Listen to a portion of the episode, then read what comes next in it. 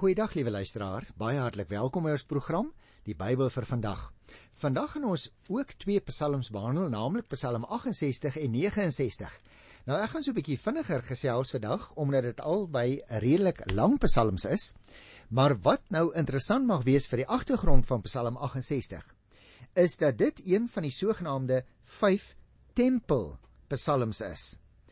En daardie psalms handel spesifiek oor dinge wat by die tempel gebeur. As jy miskien wil weet van watter psalms ek nou praat, dan is dit psalms 15, 24, 68 wat ek nou nog gaan behandel, 118 en 132. Want jy sien daar is optogte wat gehou is destyds uh, na die tempel in Jerusalem en tydens daardie optog het daar verskillende dinge gebeur. Daarom word hierdie spesifieke 5 psalms genoem tempelpsalms. In sommige psalms sien 'n mens naamlik hoe die besoekers en die priesterssangers om die beurt sing. Nou in die reeks psalms of wat ook soms genoem word die pelgrimsliedere wat dan nog meer insluit, byvoorbeeld uh, Psalm 120 tot 134, het ons te doen met liedere van mense wat van ander plekke af na die tempel toe gekom het, na die Sionsheuwel en daarom sê hulle ons gaan op na Sionsberg. Mense het naamlik van ver af gekom om jaarlikse feeste by die tempel te vier, soos byvoorbeeld die Paasfees en die Houtefees en die fees van die weke. Op pad na die tempel toe dan, het die pelgrimsreisigers hierdie soort van psalms gesing. Ek wil miskien net ook vir jou so 'n bietjie daarvan iets vertel, liewe luisteraar, want later vergeet ek miskien om dit te doen. Jy sien die tempel in Jerusalem word ook in die Ou Testament, veral in die psalms, God se huis genoem. Nou mense daarin in Bybelse tye gegaan om God te ontmoet. Omdat die Here hoog en heilig is, is dit 'n besondere geleentheid om voor hom te kom staan. Hy is immers die een wat alles in die wêreld gemaak het.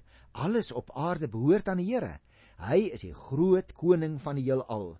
Alles en almal moet buig voor hom met sy groot gesag. Wanneer die groot koning in sy tempelpaleis ingaan, dan besef selfs die deure en die hekke dat die almagtige Here by hulle verbygaan. Daarom word dit ook op 'n baie plastiese manier in sommige van die psalms besing. Wanneer 'n mens in die tempel kom om voor die Here te gaan staan, dan moet jy natuurlik besef met wie jy te doen het. Dis nie sommer net enige een wat daar kan inbars soos hy of sy wil nie. Jou lewe, het die Ou Testamentiese gelowiges geglo, moet reg wees. Jou lewe moet daarvan getuig dat jy die Here ken en in hom glo.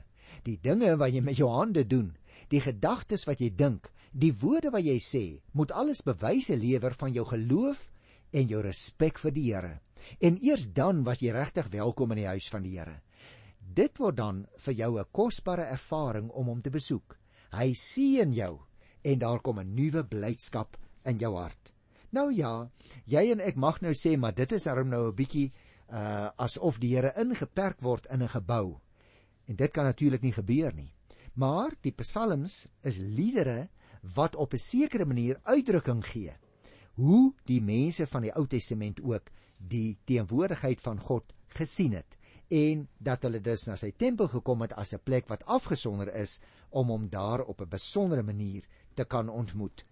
Nou in hierdie Psalm 68 dan dank die psalmis die Here spesifiek vir 'n baie besondere oorwinning wat die Here en sy volk oor hulle vyande behaal het. Presies watter oorwinning dit was, luisteraars, kan ons nie met sekerheid sê nie. Maar dit dateer uit die vroeë geskiedenis van die volk in die beloofde land. Miskien uit dieselfde tyd as die gebeure van Rigters 5. Uh nou jy sal onthou, uh ons het die geskiedenis behandel, daarom wil ek dit nou nie weer herhaal nie, maar gaan lees gerus Rigters 5 want moontlik vorm dit die agtergrond vir Psalm 68. Hierdie Psalm is dus waarskynlik by 'n soortgelyke oorwinningsfees wat gevier is gesing. En die Here word dus gedank vir die besondere oorwinning wat hy gegee het. Kom ons luister na die eerste 4 verse. Vir die koorleier van Dawid, 'n Psalm, 'n lied. As God verskyn, spat sy vyande uitmekaar en die wat hom haat, vlug vir hom. Soos rook wegwaai, so dryf hy hulle weg. Soos was in vuur smelt, so gaan die goddeloses tot niet as God verskyn. Maar vir die regverdiges sal daar blydskap wees. Hulle sal juig voor God. Hulle sal vrolik en bly wees.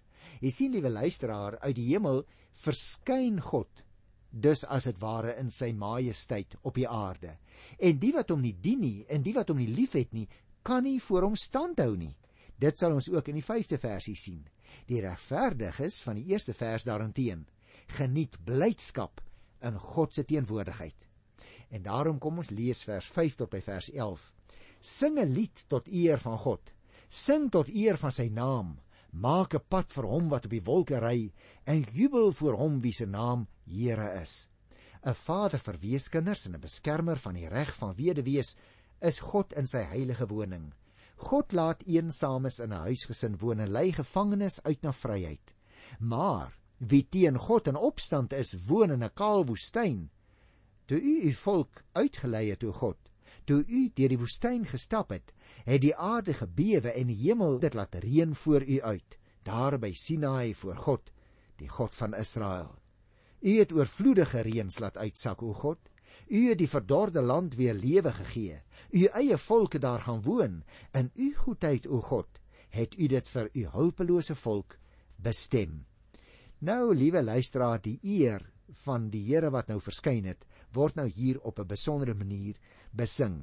En net soos wat 'n vader die beskermer is van weeskinders en weduwees, volgens Psalm 146 vers 9, so sorg die Here vir sy kinders. En daarom was hier 'n kort oorsig oor die woestyn tog en hoe die Here dit selfs in die woestyn laat reën het om vir hulle te sorg. Kom ek lees so 'n klein stukkie uit die volgende perikoop vers 12 tot 15. Die Here het bekend gemaak.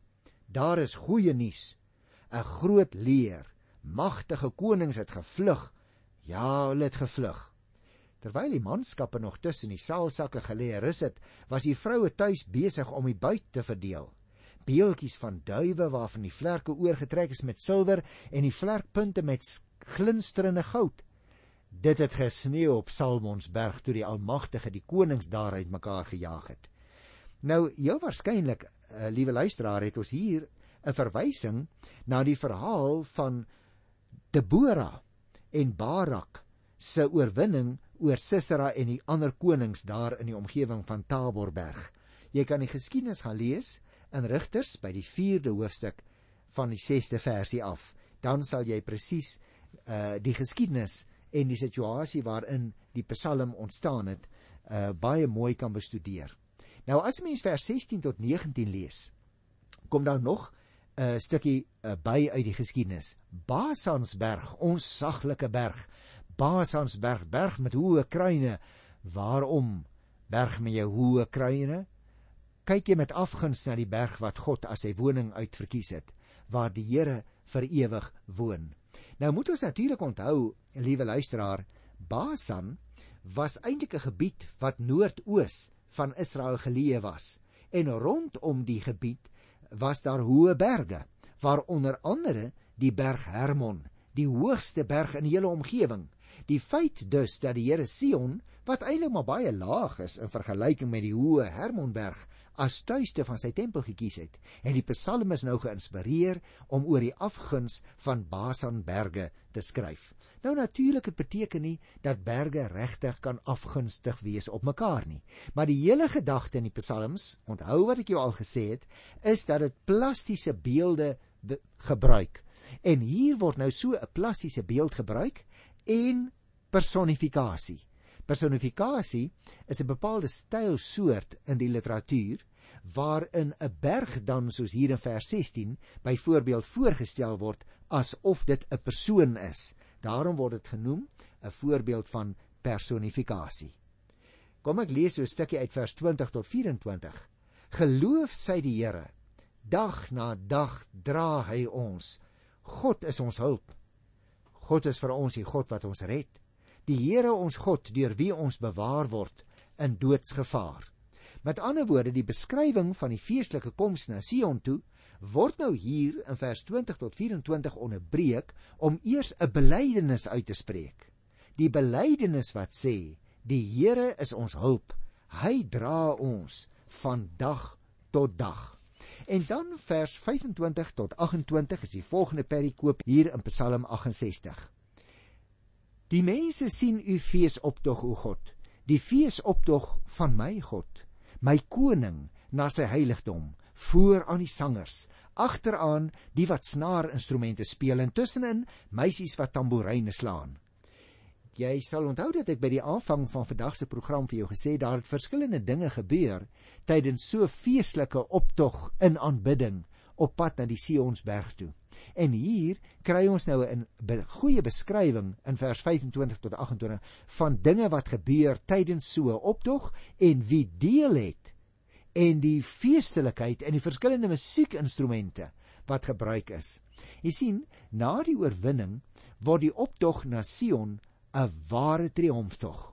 Moontlik is die verbondsark ook in hierdie feestelike optog gebruik, soos in die tyd toe Dawid dit na Sion toe gebring het. Jy kan vir daardie geskiedenis aan kyk in 2 Samuel 6 van die 11de vers af.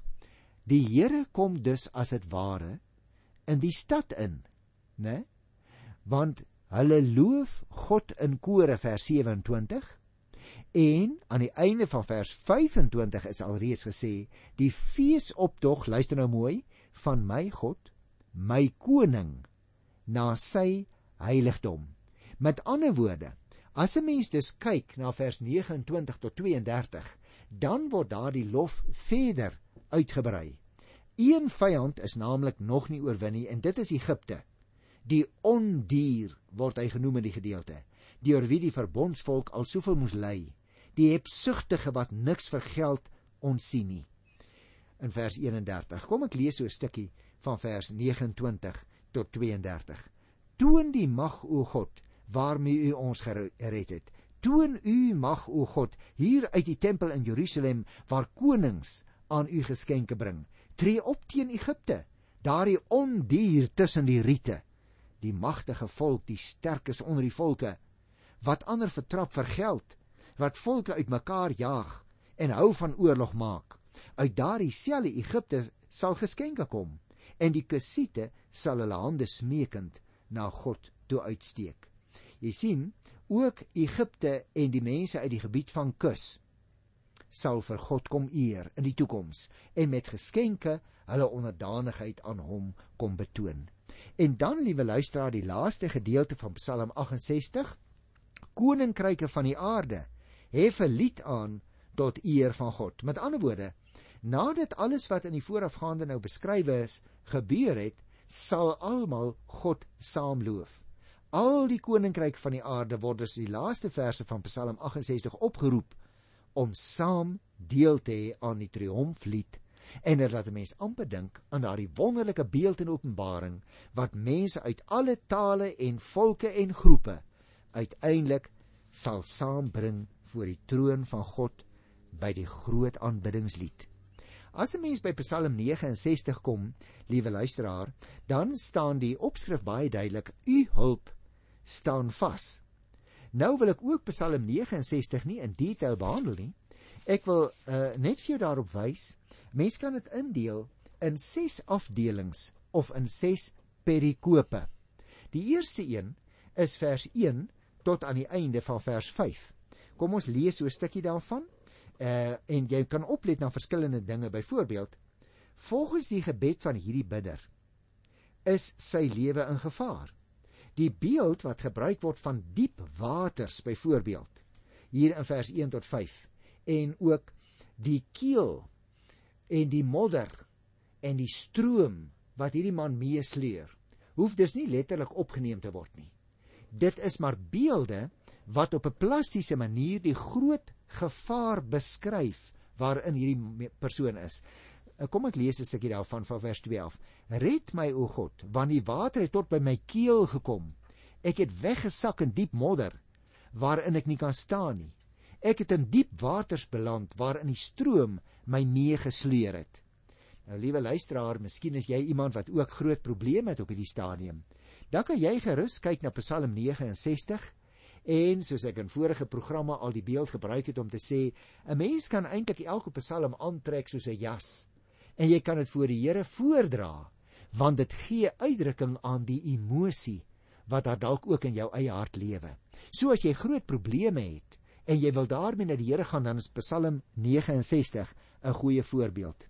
Die tweede deel of strofe kry mens van vers 6 tot by vers 13 En as jy dit lees, sal jy sien die mense beskuldig nou die psalmdigter op 'n vals manier. Want jy sien teenoor hulle is hy eintlik onskuldig, maar teenoor God is hy wel skuldig. Wie van ons is nie? Niks is immers immers vir die Here verborge nie. Kom ek lees so 'n stukkie van strofe 2 hier van die 6ste vers af. U weet hoe sondig ek is, o God. My verkeerde dade kan ek tog nie vir U wegsteek nie. Here, almagtige God, moenie dat die wat op U vertrou deur my toedoen teleurgestel word nie. En hier het ons 'n baie belangrike opmerking van die psalmis. Want liewe luisteraar, ander mense kyk ook mos na jou en na my as gelowiges. En daarom bid hierdie man: Moenie dat die wat op U vertrou deur my toedoen teleurgestel word nie. Word ander mense miskien ook deur jou toedoen teleurgestel, liewe luisteraar? Dan moet jy daarop let dat jou en my voorbeeld baie baie belangrik is, want ons is die verteenwoordigers van die Here. En wat ons nie altyd besef nie, is wat hierdie man nou verklank op Psalm 69, naamlik: Jy en ek word as dit ware onder die vergrootglas geplaas van tyd tot tyd. Veral as mense weet ons ken en ons dien die Here, dan hou hulle ons as dit ware met vernyn dop. Die oomblik as ons sou struikel en val, dan regverdig hulle hulle eie verkeerde optrede. Daarom is dit so belangrik dat ons reg sal optree. Kom ek lees hier van die 8ste versie af. Omdat ek op U vertrou, word ek beledig en verkleineer. Ek het vreemd geword vir my broers. My familie wil my nie meer ken nie. Omdat ek U huis liefhet, moet ek ly. Die beledigings teen U het ook vir my getref. Ek gesels net in hierdie week, liewe luisteraar, met iemand wat daar 'n sekere diens verrig in Bagdad. Nou ja, Bagdad is nou van tyd tot tyd in die nuus, juis as gevolg van die groot oorlog wat Amerika teen daardie land gevoer het, né? En hierdie persoon vertel vir my hoe dat hy kennis gemaak het met 'n klompie Christusgelowiges. En hoe dat hulle ook maar net in oot moet voor die Here buig, juis oor hulle land wat so verwoes is. En jy weet jy en ek kan so maklik na die televisie kyk en van buite die gebeure gadeslaan. En dan besef ons nie altyd hoe die Christene in 'n omstandigheid soos oorlog dopgehou word deur die nie-Christene. Kan jy dink wat in die harte van die nie-Christene aangaan as hulle dink aan 'n Christelike land wat nou al hierdie vliegtye stuur om die bomme op hulle te laat val? En daarom kry die Christene in so 'n gebied baie baie swaar. Bid jy en ek genoeg vir hulle? Hou ons genoegsame rekening met hoe ongelowiges dit wat ons doen soms in die naam van die Here doen belewe. En daarom ook in jou en my persoonlike omstandighede, liewe luisteraar, moet ons nooit vergeet nie. Ons is onder die vergrootglas. Wat is die getuienis wat uitgaan van jou en my optrede.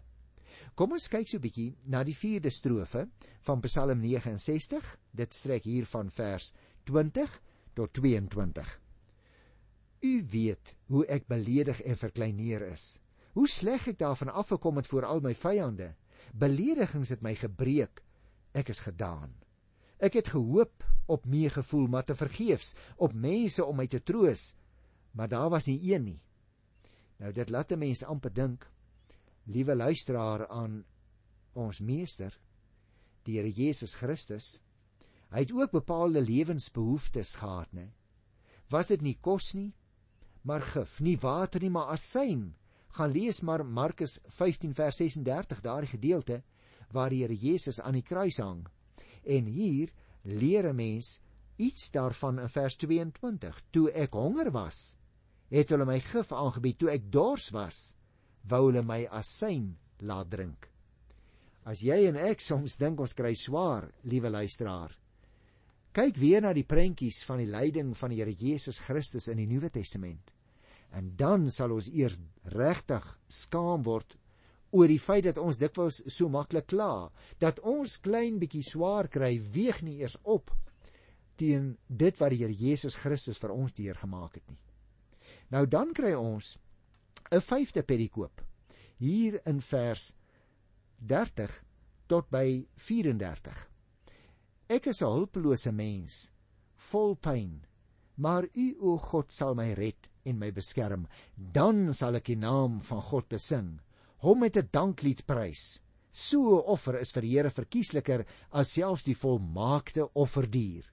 Jy sien, as hierdie man dus in sy loflied begin uitbreek teenoor die Here, dan moet jy oplet, dit is juis in sy nood. In sy nood roep hy nog steeds na God om hulp met die belofte dat hy 'n danklied, die ware offer sal bring, want daardeur sal ander verdruktes bemoedig word. Volgens die 30 33ste vers, luister 'n bietjie. Die verdruktes sal my lied hoor en bly wees. Die wat by God hulp soek, sal moed skep, want die Here slaan ag op die armes. Hy vergeet nie sy mense wat gevangenes is nie.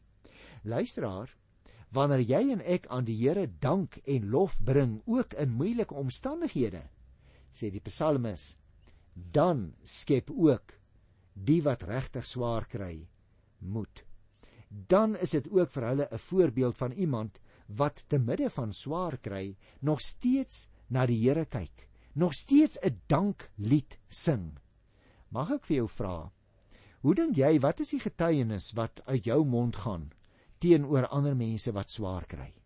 Dink hulle, sien hulle, leer hulle uit jou lewe wat dit beteken om gelowige te wees. Het jy en ek nie dalk in die gewoonte gekom om onsself te min af te vra wat is die soort getuienis wat ons uitdra teenoor ongelowiges?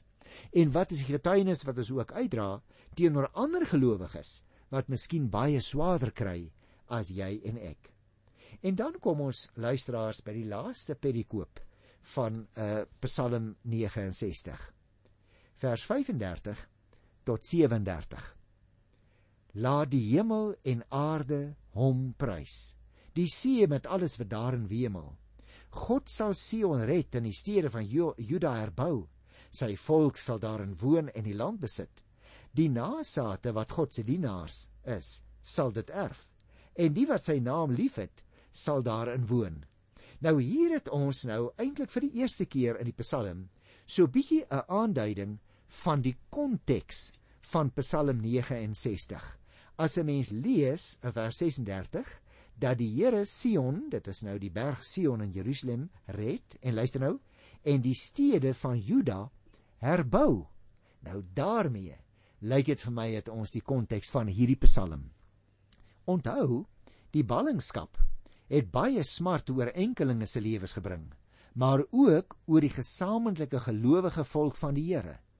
Die land en ook die stad Sion moes ly as gevolg van die inname van die Babiloniërs in die jaar 586 voor Christus, toe hulle ook weggevoer is na Babylon. Nou sê die bidder dat die Here sy volk en sy land en die stad Sion genadig sal wees daar in vers 36 daarom moet die heel al die Here prys want dit is van belang vir die toekoms van die vromes ja vir die kerk van die Here ook in die Nuwe Testament. Dit wil dus my lyk luisteraars volgens vers 36 kom dit voor of die gebed uit die tyd van die ballingskap kom? Ja 'n tyd waarin die enkeling en die volk baie swaar moes kry. Wat is die Nuwe Testamentiese verwysing in hierdie verband?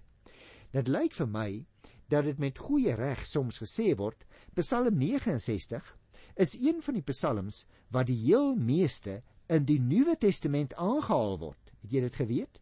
Dit word byvoorbeeld ook dikwels toegepas op die Here Jesus se aardse werk en sy lyding.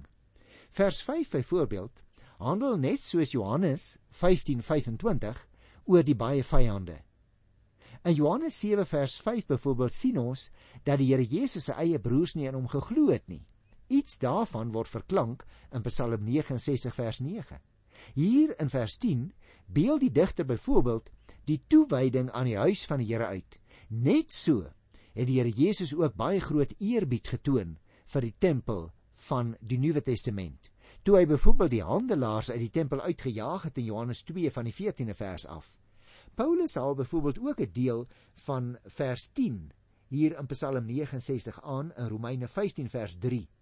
En die Here Jesus se lyding word na aanleiding van vers 21 en 22 voorgestel en na verwys in Romeine 15 by die 3de vers. Laaste voorbeeld.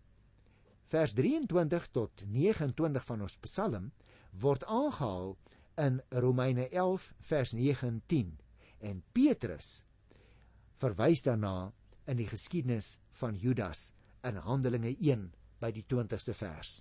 Met ander woorde, liewe luisteraar, Psalm 69 is ons 'n baie goeie voorbeeld van die lyne wat daar getrek kan word tussen Ou en Nuwe Testament, tussen spesifieke gedeeltes in die Ou Testament en ook dan uit die Nuwe Testament terug na die Ou Testament toe.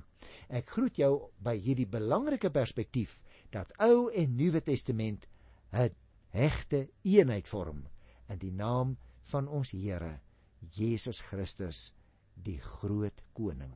Tot volgende keer. Totsiens.